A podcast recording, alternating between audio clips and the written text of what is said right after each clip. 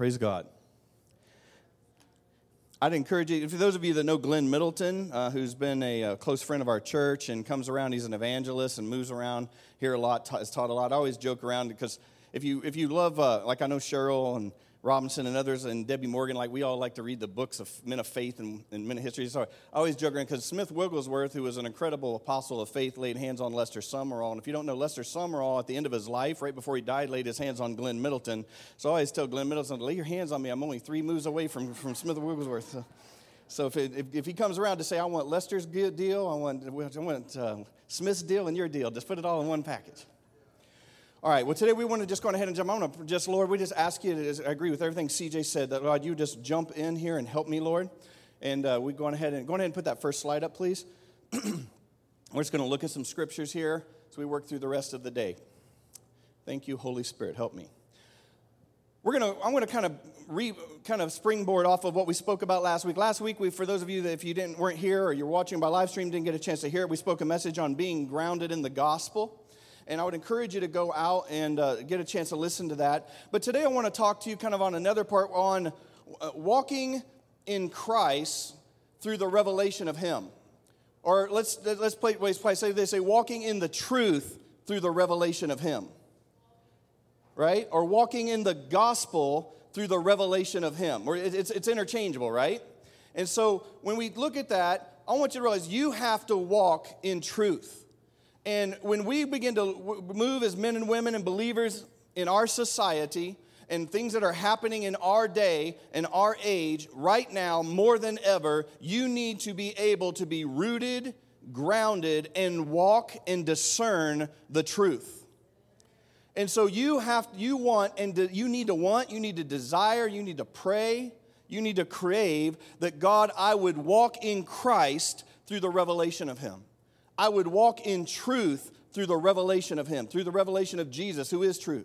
I would walk in the gospel, if you want to put another word on it, grounded in the gospel. I want to walk in the gospel through the revelation of Him who is truth, Jesus Christ, okay? So we're going to come right back out of Colossians chapter 2. And I've got a few slides that we'll look through some scripture today. Uh, just easier to read together. But let's just look at this Colossians chapter 2, verse 6 through 9. And now, just as you accepted Christ Jesus as your Lord, I have kind of put my own note in there. This is my emphasis in the italics. As you have accepted Christ Jesus as your Lord through revelation, how did you come to Jesus? How did you come to know God? It wasn't just a nice story. It wasn't just like a little, you know, precious moments pop up moment in your life. It's like that, that would never hold you. At some point in your life, your spiritual eyes had to open so that you could discern the need for salvation, the need for God, the truth that Jesus is the Son of God. Just like Peter, he's Jesus, Who do, who's everybody say I am? Who do you say I am? And Peter, with his eyes open, said, You are the Christ, the Son of the living God. And he says, Blessed are you, Peter, because you didn't figure that out on your own. Dr. So and so didn't teach you that. Professor so and so didn't teach you that. Your society didn't teach you that. The revelation from the Father, the revelation of truth, the revelation of the gospel has opened your eyes, and you are beholding revelation, what was always known but unknown to you, what was always true but untrue to you until your eyes opened. And he said, right here it says, and now as you accepted Christ Jesus as your Lord, in other words, the same way that you accepted him, how did you receive it? Say, through revelation. In other words, I have to see God. I can't just believe he's etherically out there, I have to see him. I don't see him with my natural eyes, I see him with the eyes of my heart, the eyes of my spirit. The Peter says, the hidden man of the heart, right? So he says, the same way you accepted Jesus as your Lord, say through revelation, through revelation, you must continue to follow him. Do you see the bridge there? It's like a conjunction. And as you accepted Christ Jesus as your Lord through revelation, now through revelation, you must continue to follow or walk with him. In other words, I will not be able to walk in step and lockstep with God without revelation. Revelation of His will, revelation of His purpose, revelation of His calling, revelation of His leading, revelation of His voice, revelation of His word, revelation of His truth, revelation of, the dealings of God, revelation of His nature, revelation of what He loves, revelation of what He hates, revelation of what is good, revelation of what is evil. He said, The same way you came to me and began to recognize me as the Christ in your life, and you made me Lord. In other words, I was the leader, the one in charge, the one out front, the one who was ahead of all things. He said, Through revelation, you must now continue to follow me, continue to walk with me. Well, if he's saying, if he's, if he's, heeding this warning that now you must do this, that means you also have the possibility to not do this. The same way you came to me, you must continue in me. He's warning them that you can lose that step. You can begin to believe in what you had heard and not be living in what you know to be true. Do you see that? Okay. So he says now this he says, but through revelation, you must continue to walk with him let your roots grow down into Him. Your roots are your faith. Your roots are your value systems. Your roots are your beliefs. Your roots are, are your hopes. Your roots are your places of faith. He's saying, let your roots, the things that are the core of you, grow down into the soil of Christ so that they become rooted and grounded and established and steadfast in Him. Do you see this? So he says, the way that I'm going to grow roots down into him is I'm going to have to have an ongoing revelation of him. That's the story of the gospel. The gospel was not once forgiven, never seen again. The gospel is daily I'm being saved. What we call that sanctification. I'm being I was written in the book of life one time and then I'm being made into his image day by day. Right? So through revelation, I'm being made into the gospel. Through revelation, I'm being made like the Son of God, uh, into his likeness, into his values. And it says, when I walk with him through revelation, let then my roots begin to grow down into him. And it says, and then let your lives be built on him. My life being what? My character, my values, my nature, my decisions, my posture, what I stand for what I don't stand for. He's saying, out of revelation, your roots will grow down, and let your life, your Christian life, not just your secular life, let your God anointed life, let the, let the God for redeemed life, let the hidden man of the heart, the hidden woman of the heart, the real you, let your life be rooted or grounded or established on Him. So, in other words, I should look sound, think, act like Him. Now, we, we all know that we don't do that in 100%. God might have 10% of you today, but next week He can have 15%, and then it'll be 20%, and then it might go back to 15%. And you repent, and then it goes to 25%. It's like the dealings of God are always growing us. Okay, do you see this? So he says, he says, after you have come to him through revelation, and you're walking with Him and your roots are growing into Him, the automatic byproduct is that your life begins to be established on Him because He's dealing with you, He's talking to you, He's walking with you. And it says, then your faith will grow strong in the truth. I want to be a man and woman of God who goes from faith to faith glory to glory. I want to be bigger next month than I am this month. I want to be bigger next year than I am this year. How do I do that? I walk with God through continual revelation. That means I see you this month different than I saw you last month.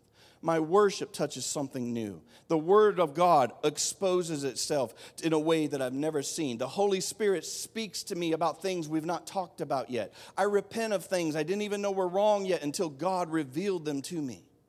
And it says, Then your faith will grow strong in the truth. Say, in the truth. See, he's like, Your faith can grow strong in all kinds of wacky stuff. But the deal is, is we want our faith to be established in the truth. Say, say God, establish me in the truth. And it says, Then your faith will grow strong in the truth that you were taught, and you will overflow with thankfulness. Don't let anyone capture you with empty philosophies and high sounding nonsense. Say nonsense. He says, Don't let anyone capture you with empty philosophies and high sounding nonsense that comes from human thinking and from spiritual powers of this world. In other words, from demons. He says, establish, why is it so important that I have a revelation? Because if I'm not walking in continual revelation, I am open to the opportunity to be hooked by the philosophies and the nonsense of human thinking and the doctrines of demons. Do you see this in the scripture? He's saying, hey, stay with me, let your roots go down in me, let your faith grow in me, then you will be established, then your life will grow, then you will mature, then you will touch what is God, and do not let yourself be captured by empty philosophies and high sounding nonsense that comes from human thinking or from spiritual powers of this world rather than from Christ. In other words, I can listen to the teachings of men and demons and not the truth of Christ. Why is that so important? Because right now, humanism is invading our nation. Humanism is invading the church. Humanism is preaching from pulpits. Humanism is teaching from universities. Humanism is living in our government. Humanism and all kinds of what the Bible says is high philosophical nonsense rooted in demonic instruction that is not rooted in the revelation of Jesus. It's not rooted in the revelation of truth. It's not rooted in the revelation of the kingdom. It will steal your faith, not grow your faith. It will steal your seeds, not let them grow down into the nature of Christ and you will find yourself unestablished instead of established. And so, humanism, when we talk about humanism, human, humanism is, it means it, it exalts individual, uh, individual freedoms. That God is interested in me more so than his eternal purpose of which I am a part. That God is, that, that, that humanism, it says, is, God is, it, the world's all about my happiness. You ever meet these people? Well, God just wants me to be happy. So that man got to go. Well, honey, that violates red scripture text in the Bible. That's humanism. That's not scripture. That's not truth. That's, that's you saying God is more interested in my pleasure than his purpose. God is more interested in my pleasure than my obedience. Can I tell you that is philosophical, demonic nonsense? And so when we start looking with you, there's going to be people, the Bible talks about in verses we'll look at, but it's like there's going to be people all over our nation, all around the world, that if you're not rooted and grounded in the truth, if you're not having a current day revelation of Christ that is plowing the soil of your heart, you are a susceptible opportunity to be deluded and confused and deceived and snared. Humanism goes on to say that it looks at everything through human perspective, the finite truth that we understand. It's intellectualism.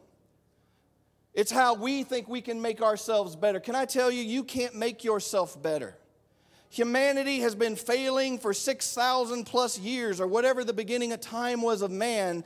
It's been failing over and over and over again. You can look through historical records outside the church of the atrocities and the abuses and the blindness and the wickedness of men. Humanity does not have the power to change itself. You do not have the power to make yourself one iota better. You can, you can have an outward. Uh, maybe a, something that you control or you can manage and you can manipulate, but at the core of who you are, you can't change yourself. Only the power of the revelation of truth can do this. And so humanism says we're going to put man at the center of our focus rather than God at the center of our focus. But can I tell you, when we're going to say we want to walk in truth, I don't want to be deceived. I don't want to be blind.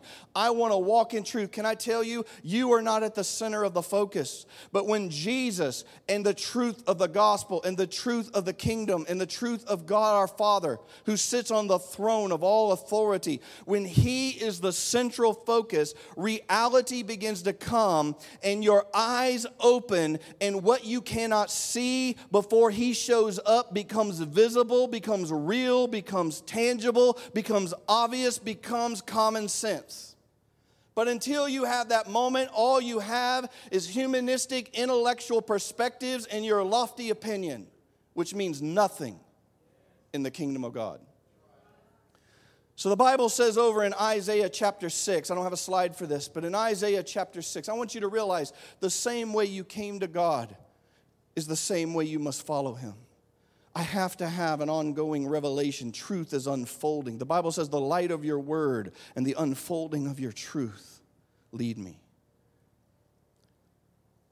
And so in Isaiah chapter 6, we see this beautiful story of this demonstrated where this mighty so called man of God in the earth, Isaiah, was one of the greatest prophets that lived. But there came a point in his life that God began to visit him.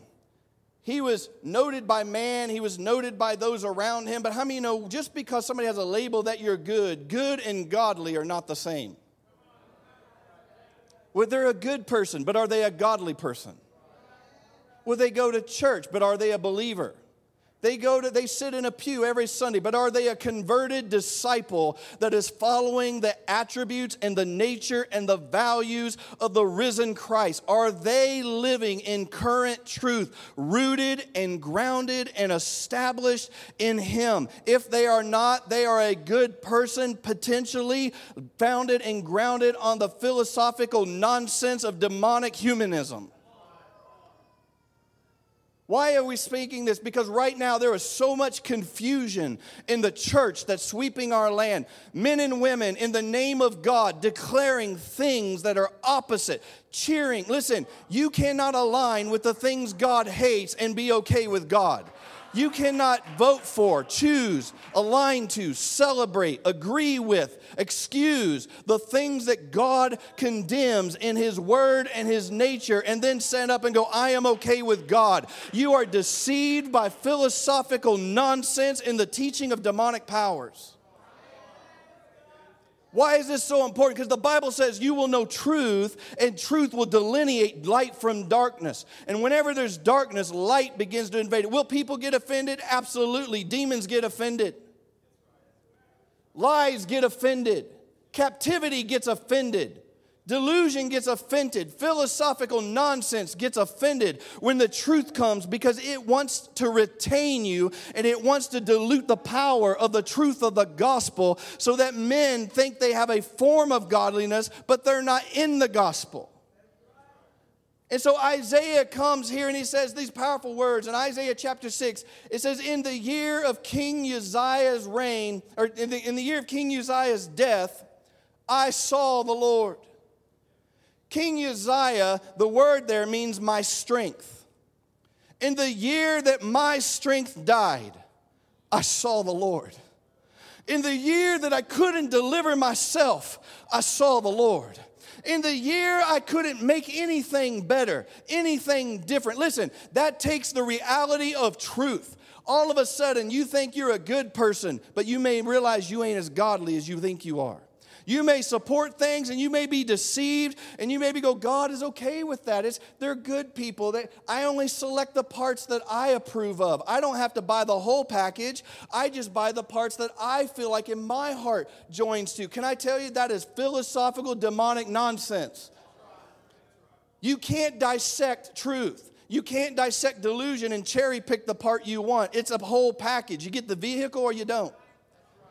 And so Isaiah says, In the year that my strength died, I saw the Lord. In the year that I recognized I needed God a Savior, I needed Him to move in my family, I needed Him to move in my soul, I needed Him to move in my society, I needed Him to move at my job, I needed Him to move when my strength, my ability, I wasn't the center focus. There was no humanistic answer. The only answer was I was a man who needed God to do something only a God could do inside of me. He said, When I came to that reality, I saw the Lord and a revelation came to me. And all of a sudden, what was hidden became known. What was not understood became real. What was hidden became close to me. And it goes on to say, He said, And I saw the Lord high and he was lifted up. I saw him in his majesty. I saw him for who he really was. I saw him for what he really stood for. I saw him for what he really uh, supported and what he didn't support. My eyes were open. And instantly, the thing that happened, the Bible says that Isaiah was smitten to the heart. He wasn't like, God, I'm all that in a bag of chips. I'm the mighty man, the mighty woman. I'm the prophet of God. I have all the answers and the solution. No, he saw reality. When truth of the gospel came, gospel is not a story, it's a person. It's a man, the Son of God, who in, in whom can, is held all truth and all knowledge and all wisdom and, and all, all, all understanding. And all of a sudden, you're looking at him and you realize, I am not like you. We are not like you. Oh God, my strength has died. And the Bible records these words that Isaiah, it says that when he said, he saw him, he said, Oh, woe is me. I am completely undone. And then he said these words I am undone. I am a man.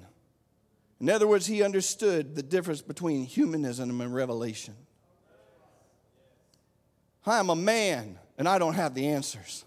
I am a man and I can't make anything different. I am a man and my infinite understanding isn't going to change squat. I can I can I can legislate it, I can try to orchestrate it, I can put, you know, nonprofits around it, we can support it, we can identify it, we can drug it, we can medicate it, we can label it, but we can't make it any different. We can't make it any better. We can't change it from one generation to the next. Oh, they may get out of one, they may get out of this addiction only to end up in depression. They may get out of depression only to end up in tormenting voices.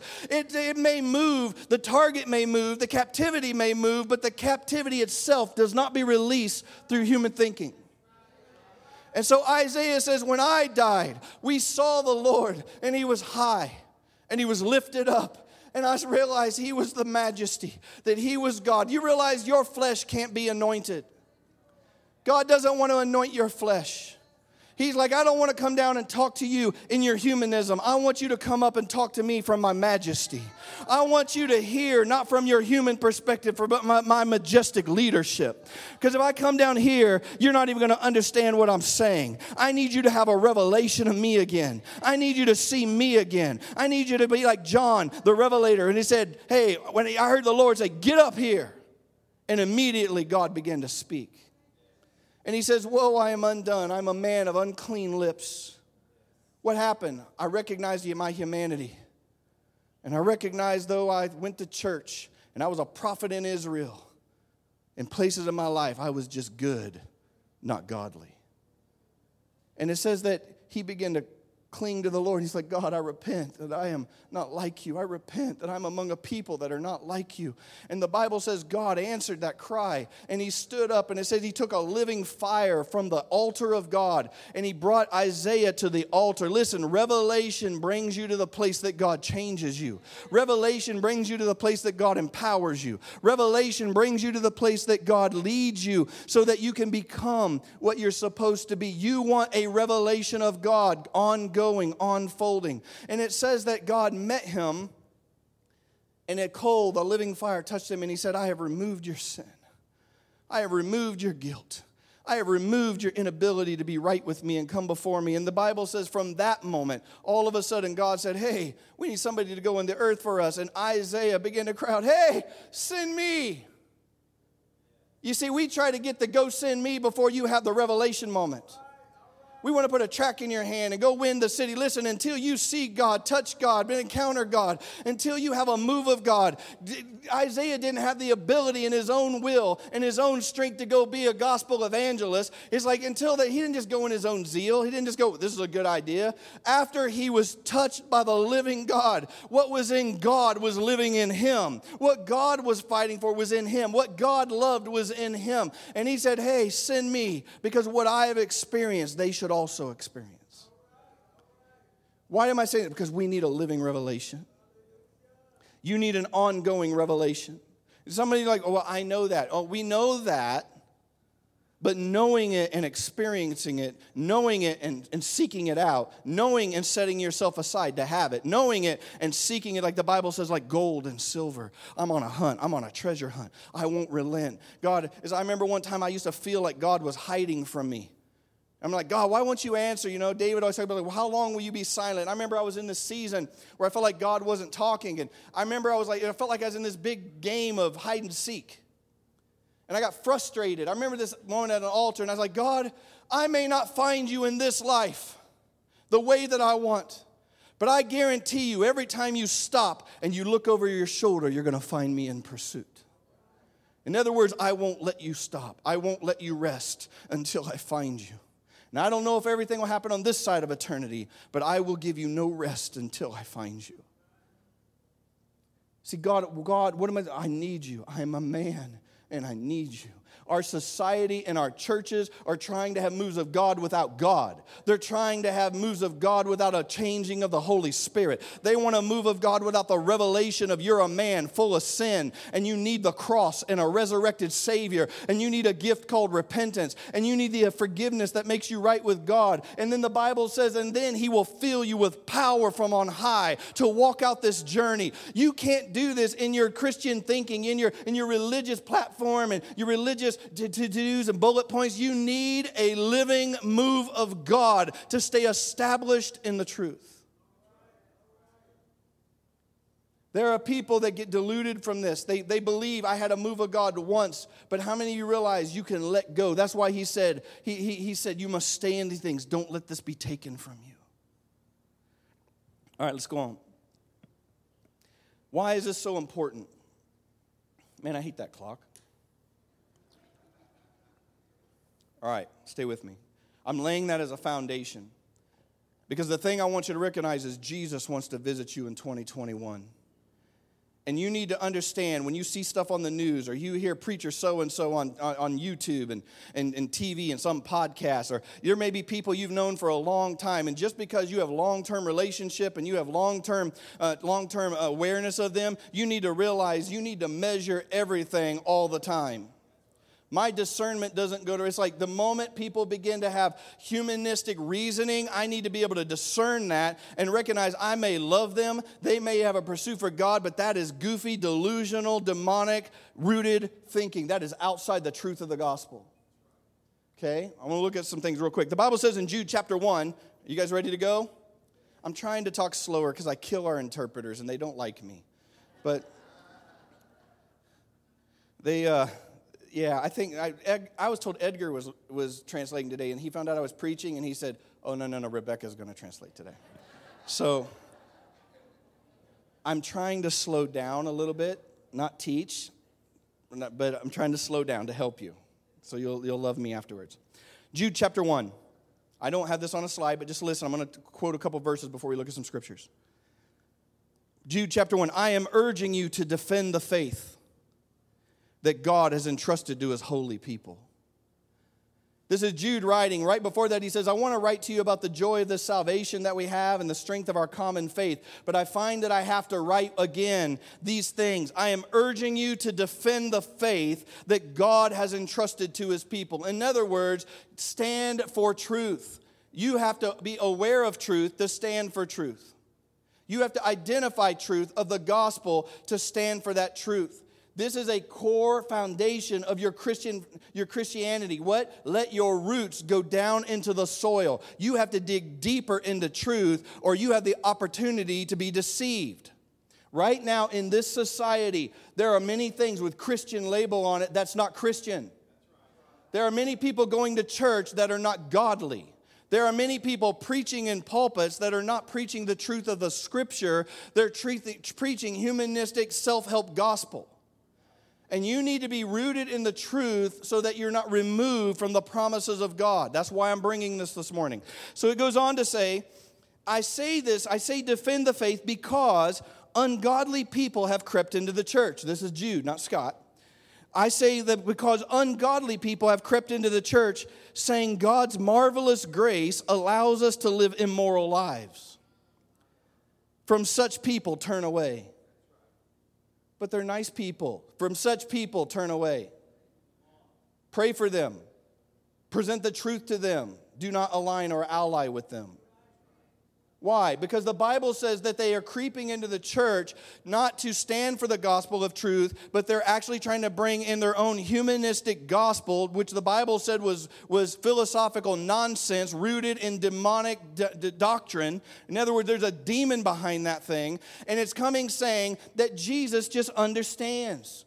Jesus lets you live any way that you want to live. That, that you could, that Jesus just understands where you're coming from and he understands your, your intentions are good. And he understands that though you have all kinds of immorality in your life that you're not broken over or repentant over, you have no intention of changing, you just love the fellowship of people around you, that you have not had a revelation of the Son of God that has undone your heart. Like Isaiah, you have not seen the Lord and said, I am a man and I have things inside of me that are not like you and I need the saving grace of the Lord Jesus. I need you to change me, oh God. When you don't have that in your life, people begin to go, Well, God just understands, and we just can move along with it, and we got to love these people, and we just got to keep being good with them, and God gets it. No, God doesn't get it. The Bible is very clear that God loves all man, God loves every sinner. God has died to forgive every man and every woman, but He does not endorse, He does not support, He does not cheer on, He does not excuse compromise, He does not excuse sin. He does not excuse blatant rebellion. He does not excuse confusion. He does not excuse philosophical humanism. He does not excuse demonic doctrine. He comes to say, What? I came to destroy the works of the enemy so that every man and woman would be established in the gospel of truth and the kingdom of our great God. And so you got to realize there's a difference between good and godly. And you can love everybody, but you need to have the discernment to go, that's a good man, that's a godly man. That brother come to church, that brother is the church. Totally different. He sort of believes in Jesus. That's a blood bought disciple who has surrendered it all. You need to have discernment on who you're communing with so that you have clarity in your conversation. You have clarity around your prayer. I'm not talking about we go judge and throw, I'm talking about we bring light in the middle of darkness and we divide truth from deception. It goes on to say, and I put this, I, did, I put that there. I just want you to, I said this a minute ago, but I'll say it again. You cannot support what God hates and be right with God. You cannot cheer on what the Bible says is an abomination and be right with God. You can believe God exists. You can put your little rear in a seat on a, on a, on a church pew and put some money in the plate and go home, but you're full of deception and captivity. Why? Well, that's offensive. You need to be offended. Your soul is hanging in the balance. That is not reality. That is not truth. That is a doctrine of a demon that says you can go to hell sitting in church. The Bible says that God came to open our eyes that we would see the beloved Savior, the resurrected King, the one who said, I paid a price because you were dirty and guilty and worthy of judgment. And if you'll come to me, the forgiveness will be forgiven you. And I will take you from nasty to awesome. I will take you from sinner to glorious. I will take you to unforgiven to forgiven. But, honey, there's a doorway to come through that called repentance. It's, it's Isaiah going, Oh God, I am undone. When you begin to touch men and women, I don't care if they're in the church, out of the church, in a pulpit, out of a pulpit, when you see men that are un, not undone, you need to be very leery. Because when you're walking in a current revelation of the Son of the living God, humility is its marker. Brokenness is its marker. Dependence is its marker. Gratitude is its marker. I do not self justify.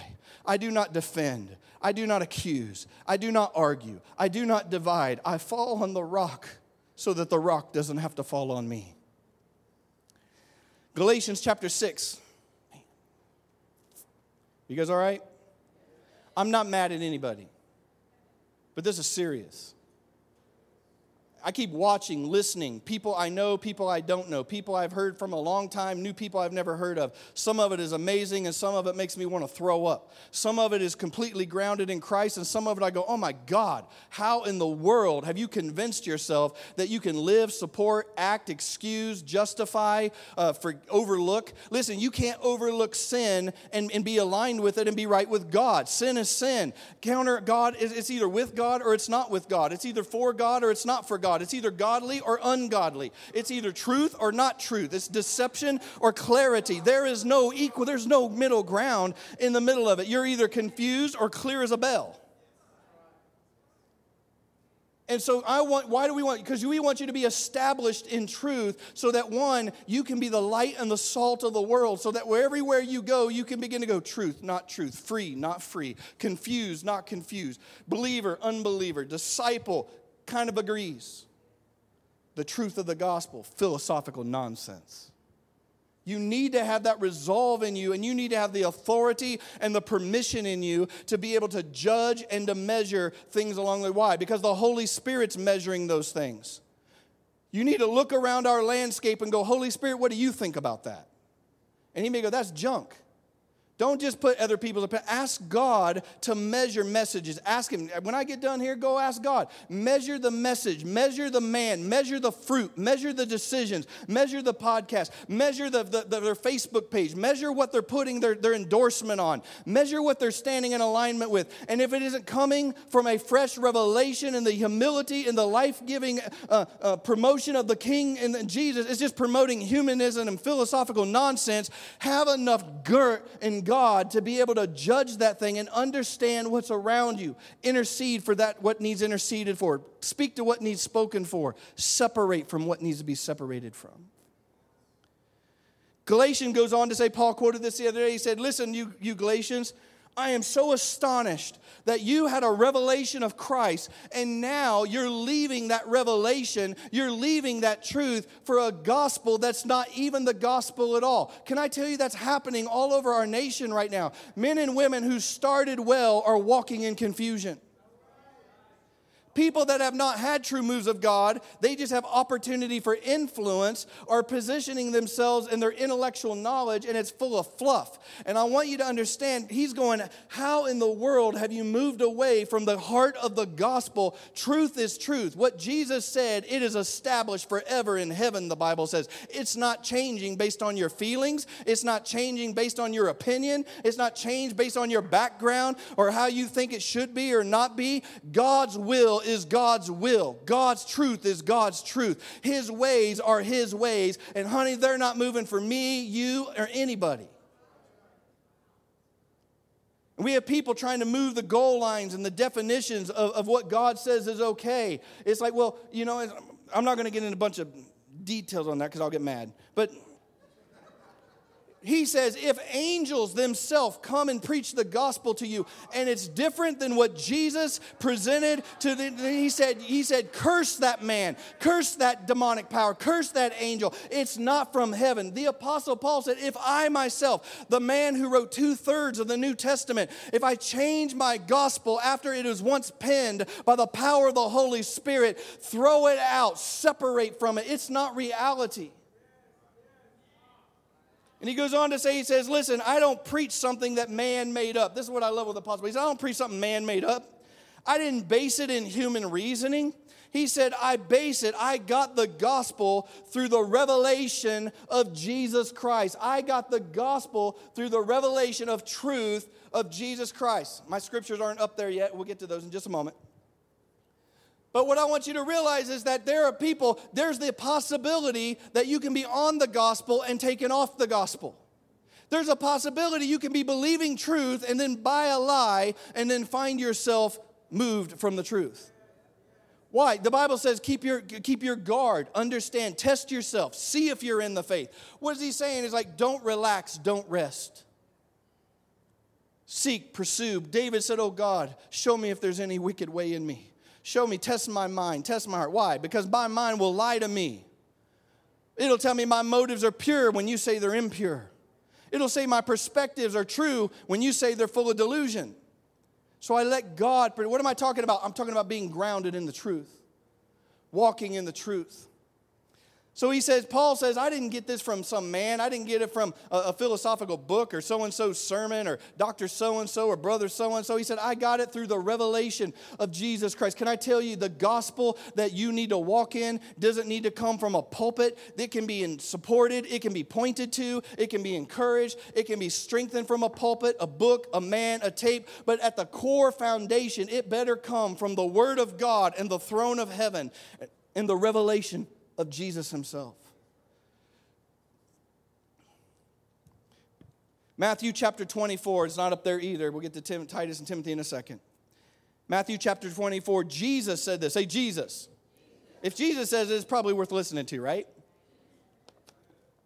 So we've told you what Paul said. Paul said, hey, don't be deceived, stay in the truth. Isaiah said, oh man, you need a move of God. Colossians said, oh, you got to walk with God through revelation. You got to walk with Him the same way you came to Him. You got to keep on going. And the moment you let go of that, you're in danger. You're, in, you're, you're, you're, you're venturing off the path into humanistic uh, justification. So, Matthew chapter 24, Jesus says this, verse 4 And Jesus said to them, Do not let anyone mislead you. That means you have the possibility to be misled. Do not let anyone mislead you, for many will come and they will deceive many. Jesus is saying there are people coming with gospels that is not the gospel.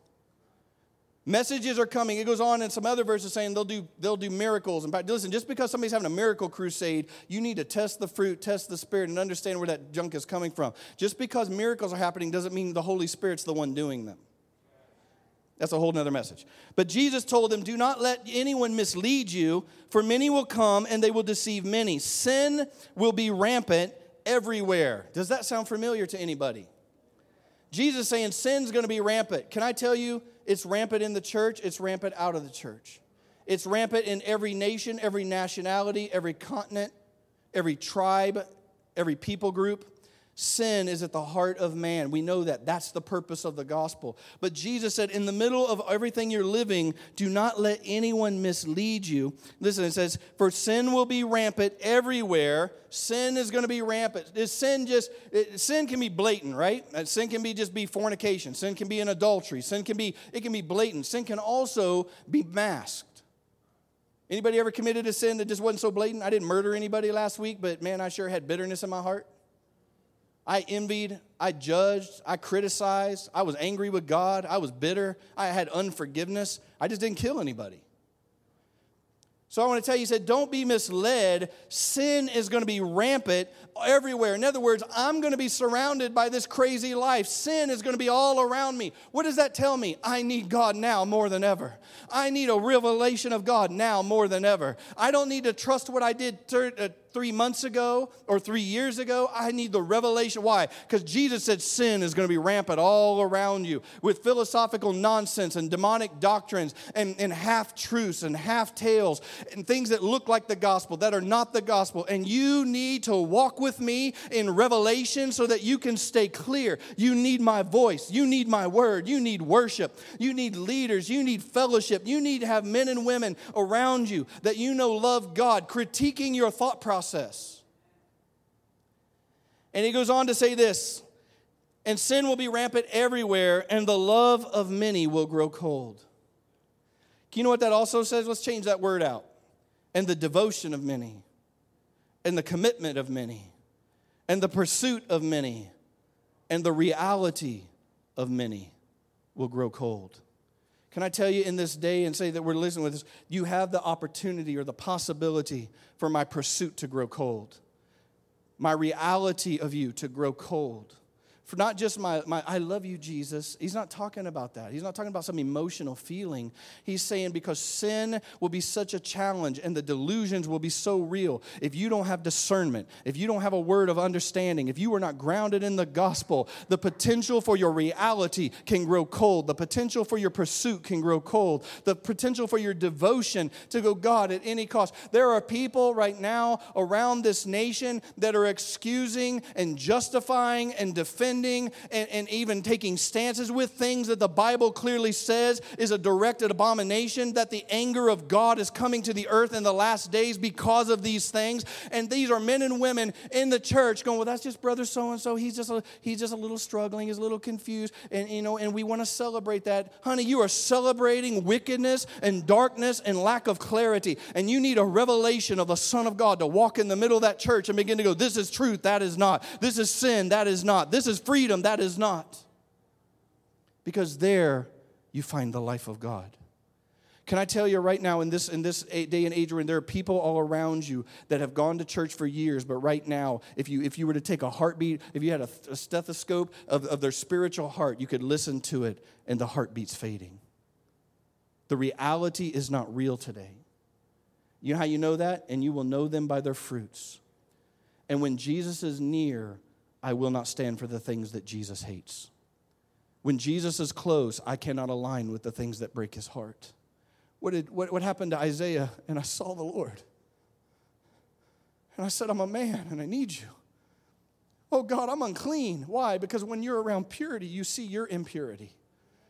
When you're around the truth, you see your lack of truth. And he said, Oh God, do something and be send me that I could be different. Let's look at a couple more scriptures very quickly. I want to establish truth right here. We're going to have our keyboardist come up. You guys okay? Yeah, I know we've gone a while. It's coming up on 12:30. Give me a few more minutes. 2 Timothy chapter 3. I want to establish how many know the Bible is the best for establishing truth, right? All right, this isn't, this isn't up there either yet. So, Dave, just hold on. I skipped these verses because I want to quote them. These are the ones I want to read together. 2 Timothy chapter 3, it's not on the screen.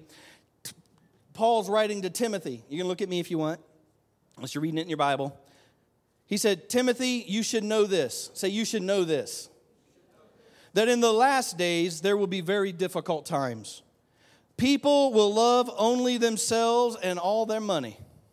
Do you think that's in our, our society right now? They will be boastful. They will be proud.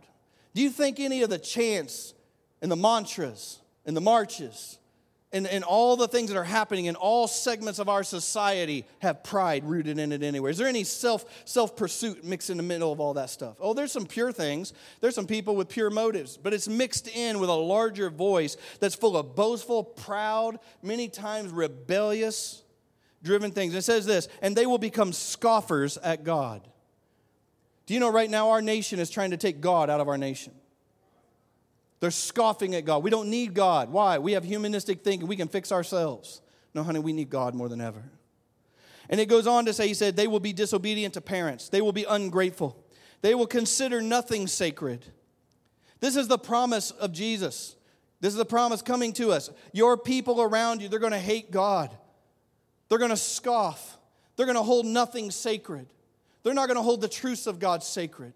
They're not going to hold the, the, the, the, gospel of God sacred. They're not going to hold purity sacred. They're not going to hold holiness sacred. They're not going to hold humility sacred. They're not going to hold these pursuits that the Bible says is the fruit of the gospel. They, they won't be sacred. And it says, and they will be unloving and unforgiving. And they will slander one another and they will be out of control. Honey, this is all around us, and sin will be rampant and the love of many will grow cold. Honey, the, our prayer right now is that God comes and that your, your pursuit, your reality, your gospel, your faith, your treasure does not begin to diminish. Give me just one moment, Troy. It goes on in Titus chapter 2. You can see this on the screen. For the grace of God that brings salvation has appeared to all men. This is good news, right? It teaches us to say no to, the, to ungodliness Whoa, the gospel says it teaches us to say no to ungodliness. So when ungodliness puts itself on a platform and says, this is okay in part, we don't buy the whole package. We just support the parts of the package that we like. Godliness of the message of the gospel comes and says, it says no to ungodliness. In other words, it says godly, ungodly. There is no gray or middle ground. It's either glorifying Christ or it's antichrist. Does that make sense? So he goes on to say, it teaches us to say no to ungodliness and worldly passion and to live self controlled, upright, and godly lives in this present age. The fruit of the gospel. It teaches you to say no to godliness. It teaches you to have to say no to worldly passions. It teaches you to say no to living out of control. It teaches you to live upright, live godly lives in the middle of this present age. That is the fruit of the gospel. When you're looking across the church right now, you're looking in relationships, Facebook, Instagrams, articles, podcasts, you need to begin to measure what is it producing and what is it promoting and what is it approving and what is it aligned with. Why? Because you may be endorsing the doctrines of demons or the reality of the risen Lord. It goes on to say in Matthew chapter 10, verse 33 If you confess me before men, I will confess you before my heavenly Father. And if you deny me before men, I will deny you before my Father is in heaven. Jesus said these words If you confess me before men, you acknowledge me before men, you reveal me before men, you stand with me before men, you, you support me before men, you acknowledge me before men, I will acknowledge you before my Father is in heaven. But if you deny me, if you stand against me, if you oppose me, if you misrepresent me, if you contradict me, if you stand in opposition to me, I will not acknowledge you before my Father who is in heaven. That is a big key, right? Jesus saying, I need to stand with. Well, most of the people say, Well, I wouldn't go around and say, I don't believe in Jesus. I don't, I don't stand with God. I reject him. Most people aren't going to come out and just point blank say, especially if they Mr. and Mrs. Christian religious so and so and been in church for a long time. But let's go on ahead and read what um, good old Titus had to say. Brother Titus, to the pure, all things are pure. But to those who are corrupted and do not truly believe, say truly believe, honey, you can be in church and not be a believer. Just because you say you're a Christian doesn't mean heaven says you're a Christian. Christian means Christ like, one in pursuit of him, one who is being changed into his image, one who has been purchased by him, owned by him, under his authority, under his lordship, under his rulership, under his leading, under his guidance. I am a Christian. I am a disciple of Christ. And there are a lot of people with badge Christian that I can tell you in heaven, their name is not recorded on the roll of faithful converted believer. That's a sad thing. The Bible is very clear. There's places in the Bible that, that there are men and women who go to church their whole life that will find themselves in the eternal judgments of hell. We can teach on that some point. There's different scripture. But let's look. What else did Brother Titus say? For those who truly believe nothing is pure.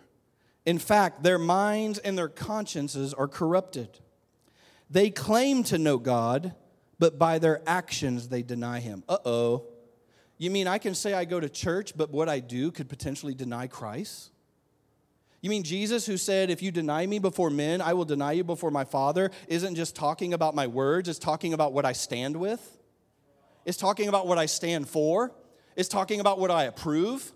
When I approve something that he doesn't approve, guess what, honey? You just denied his truth and reality before eternity and humanity. When you stand with things that God says is an abomination, listen, God is not anointing homosexual pastors. God is delivering homosexuals from demonic powers and the ability to be changed into awesome men and awesome women. And He's changing them into freedom and in places, and He loves them deeply. He died so that they, just like me, just like the perverted uh, pornographer or the person who's an adulterer or the person uh, who is committing a fornication, it doesn't matter what your sin is, God is the deliverer for us all. But He is not anointing sin and putting it in a pulpit. He is not anointing men and women and endorsing it and standing behind corruption saying, this is my wicked son, hear him. God is not, He stands for truth. And the Bible says, if you deny me before men, I will deny you before my Father in heaven. And He says, good old Titus clarifies and said, it's not just, He said, they with their lips declare to know God, but by their deeds they deny Him before all of humanity. When we're seeing things pop up all over the internet right now, there are places I'm going, oh my God, how in the world are these people endorsing, cheering on, standing for, celebrating, talking about it, move them to emotion, things that the Bible says men and women, this man and woman is deeply into darkness. The things they stand for are deeply contrary to the gospel of the revelation of Jesus. And we're going to stand up and say it's a good thing. Honey, we are denying him before humanity. And the Bible says we are at risk of being separated from God. Now, listen, people are going to hear this. People are going to get mad. People are going to disagree. I'm going to tell you, like, I love what Kevin Leal says. He said, The thing that makes you angry exposes you. Why is this so true? Because it's true. And Titus is really clear hey, by their deeds they deny me. It goes in one place in Scripture, It says, with their lips they, they honor me, but their hearts are far from me. Honey, there's people all over our nation. There are people we have been in relationship. There are churches that we have known around the earth. There are churches that you have known. When I talk about we, there are people that we all have relationships with that have come through this. And when the revelation of Jesus stops coming, humanism begins to grow. And all of a sudden, people who have the badge, Mr. and Mrs. Christian, are standing for things that are contrary to the thing he died for, to deliver men and women for. And you need to have the clarity to be able to judge it, to go, that's God, that is not God. That is truth, that is is not truth.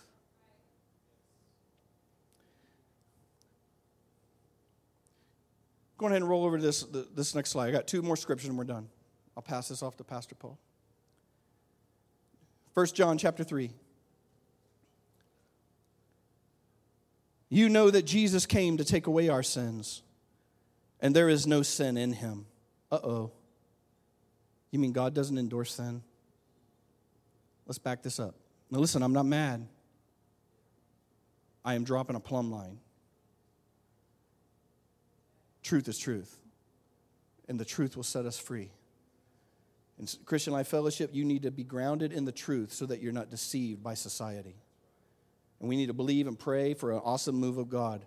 It goes on to say this You know that Jesus came to take away our sins. He didn't come to endorse them, He didn't come to excuse them, He didn't come to live with them, He didn't come to cohabitate with them, He came to remove them. And there is no sin in Him. In him. Anyone who continues to live with Him, anyone who continues to live in him will not sin. In other words, they're not going to support sin. They're not going to align with sin. They're not going to celebrate sin. They're not going to defend sin. They're not going to excuse sin. It goes on to say, but anyone who keeps on sinning, anyone who excuses it, anyone who defends it, anyone who celebrates it, anyone who aligns with it, anybody who supports it, does not know him or understand who he is. Why am I telling you this? The truth of the gospel. This is the floor and let your life be built on him. In him there is no sin. And he came to destroy the works of the devil. He came to deliver men from sin, and he does not endorse it, excuse it, defend it, stand for it, apologize for it. He doesn't overlook it, he comes to deliver it. Dear children, don't let anyone deceive you. Oh, there's that word again. When people do what is right, it shows that they are righteous and even as Christ is righteous. But when people keep on sinning, it shows that they do not that they belong to the devil. When people are in our midst and they are not touching repentance and they're not touching a broken heart like Isaiah, they are not seeing the Lord. Can I tell you, the Bible says they are still in the clutches of the evil one. And we need to believe and intercede for their, for their deliverance. We need to believe and intercede for their salvation. I don't care if they're the biggest tither in the church. If they are bound and the fruit of their life is confusion, darkness, compromise, they are in sin. They are outside of the, the gospel of, of the truth and they need a revelation of Jesus. And we need to present love, serve, defend, bring the gospel to them, but we don't need to excuse them. Does that make sense? When people do what is right, this shows that they're righteous, even as in Christ. And when people keep on sinning, it shows that they belong to the devil, who has been sinning from the beginning. But the Son of God came to destroy the works of the devil. Those who have been born of God's into God's family do not make it a practice of sinning because life, God's life is in them. In other words, we don't do it ourselves and we don't endorse others. Well, she's an awesome singer. She just sings about ungodly things. Honey, let truth separate us light, darkness, truth, reality. Let's go ahead here.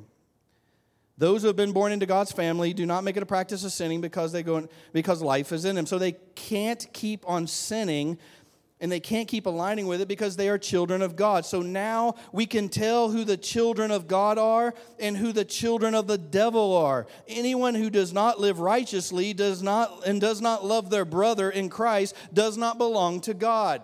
That Jeremiah Johnson recently repented for some things that he felt like he missed, and he is getting death threats from charismatic Christians. Death threats from Christians. Can I tell you they're not Christians? That is not a Christian. The Bible says if you don't love God and love your brother, you don't even understand who God is. But we have people with the label Christian. Well, they're just Christians trying to help. Honey, they are delusional, deceived under the doctrines of demons. They're attacking the very church they say they stand for. They're denying Him by their actions, and they're at risk of being separated from the eternal life of God. We have to have the clarity to judge what is happening in our society as it really is. Come on, Troy.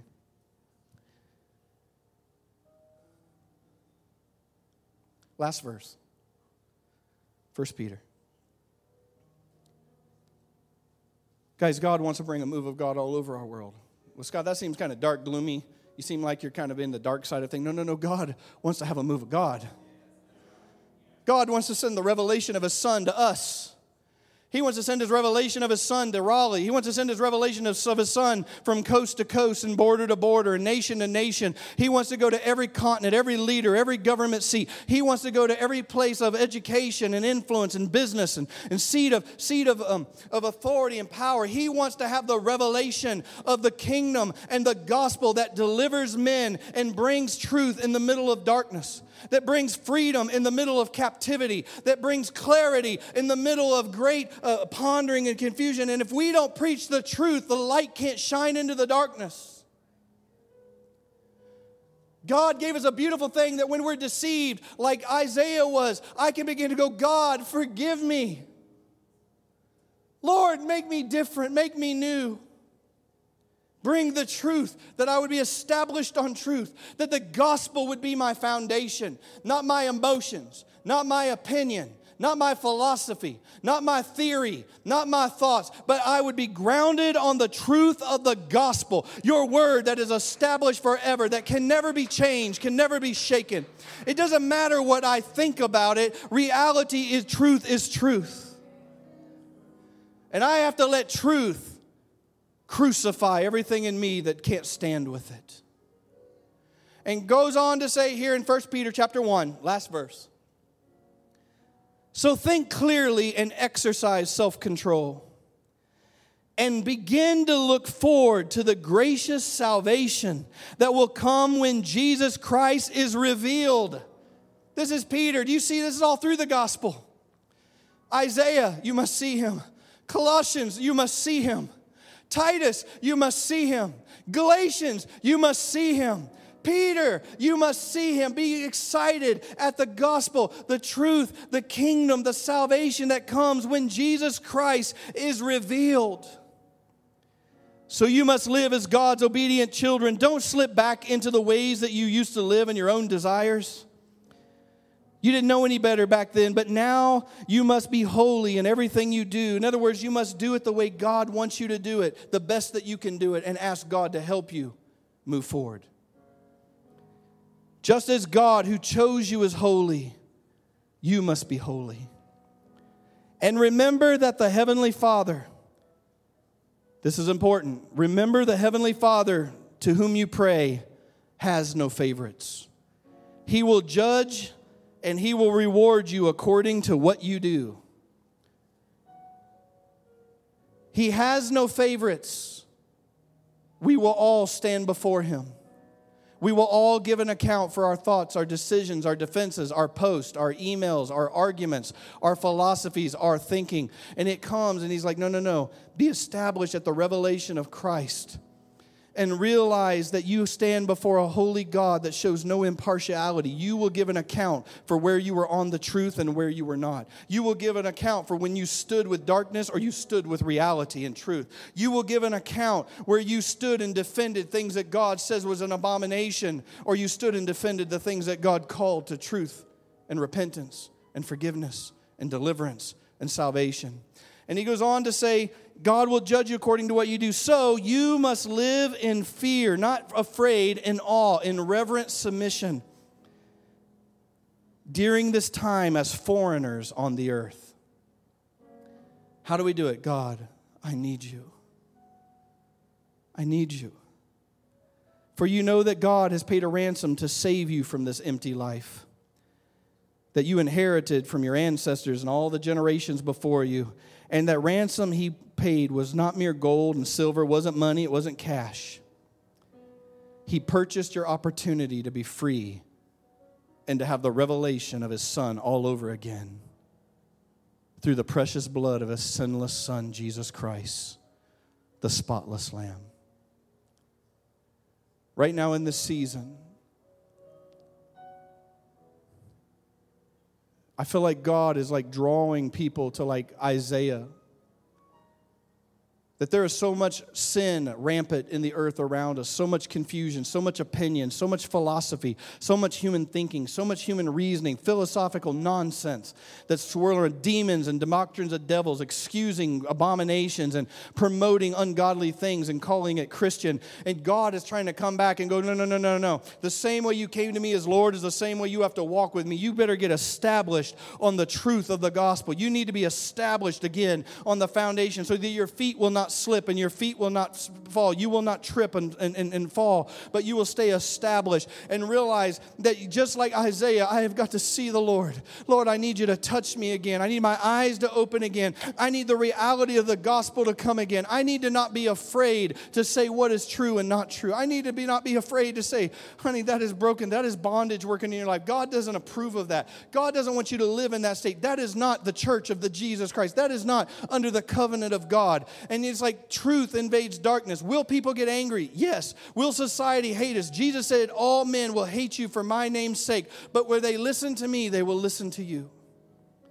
In other words, I'm going to establish you in the gospel. I'm going to visit you so that it's fresh again and again and again. And you can rightly measure what's swirling around you so that you would not be deceived no one would take you captive. You would not fall into false doctrine. But you would sit and go, No, God loves righteousness and hates evil. God loves every sinner, but he abhors the sin. God has forgiven everyone in the earth, no matter how gross or grotesque or sinful they may be. But only those who come to him and receive that forgiveness are changed. God wants purity in the church. And we invite unpurity to be changed in the church, but not to cohabit within the church. God is not cohabiting with sin, He's removing it. Father, right now, if you guys got any help, Father, right now, I just pray that your Spirit would come. Holy Spirit, I've done the best that I know how to communicate the scriptures. Lord, I pray that you invade every home, you invade everyone watching's space, you invade this room, you invade podcasts, you invade those that'll watch this on YouTube and that'll pull this up. Lord, we pray that the truth of the gospel, light, would shine into the darkness that, Lord, every place of philosophical nonsense and, and human philosophy and human reasoning and demonic powers that have tried to grip the gospel, Lord, we ask that the light of truth would invade the darkness, that, Lord, every chain, every lie, every delusion would be exposed. Father, that demonic powers would begin to lose their grip off the eyes and the minds of men, that, Lord, their ears would open. Lord, you said that eyes of man and the ears of man cannot discern your truth, they are spiritually discerned. Lord, that you would open up the ears of the the hidden man of the heart. That those that have called upon your name, that have stood with ungodliness, that have stood with darkness, that have cheered on and promoted things that are abhorrent to you. Lord, let the conviction of the Holy Spirit come to the house of God. That, Lord, we would find a place like Isaiah, that we would be undone one more time. And that, Lord, we would come into revelation and relationship with you fresh again. And purity would grip your house. Purity would grip our leaders. Purity would grip our family. God, that we would find repentance at your mercy and change from your grace. That, Lord, we would be a light in a dark world. We would come out from among them and be separate. We would be other. We would be different. We would not commingle and coexist. We would not excuse and overlook things that are abhorrent to you, God, but we would declare your power to change and deliver, to heal and to save. Lord, we pray, God, take your finger and write on our hearts again. Write the living letters, known and read of men, not of wisdom of men and not of intellectual knowledge, but by the Spirit of God write upon the tablets of our heart the story that we're called to carry, the part of you we're supposed to see. God, let me hear, let me see, let me be with you again. Separate between the kingdoms. Make clarity in a, a plumb line, God, that what is the kingdom of light and what is the kingdom of darkness. And where there is freedom and where there is bondage, and where there is deception and where there is truth. Give me the gift of discernment. Give me the gift of clarity and understanding and wisdom. Give me the gift of, of the ability to declare and proclaim your gospel. Lord, just like Isaiah, let my strength die that I might see you again. Let my wisdom die that I may see you again. For in the year that King Uzziah died, I saw the Lord high and lifted up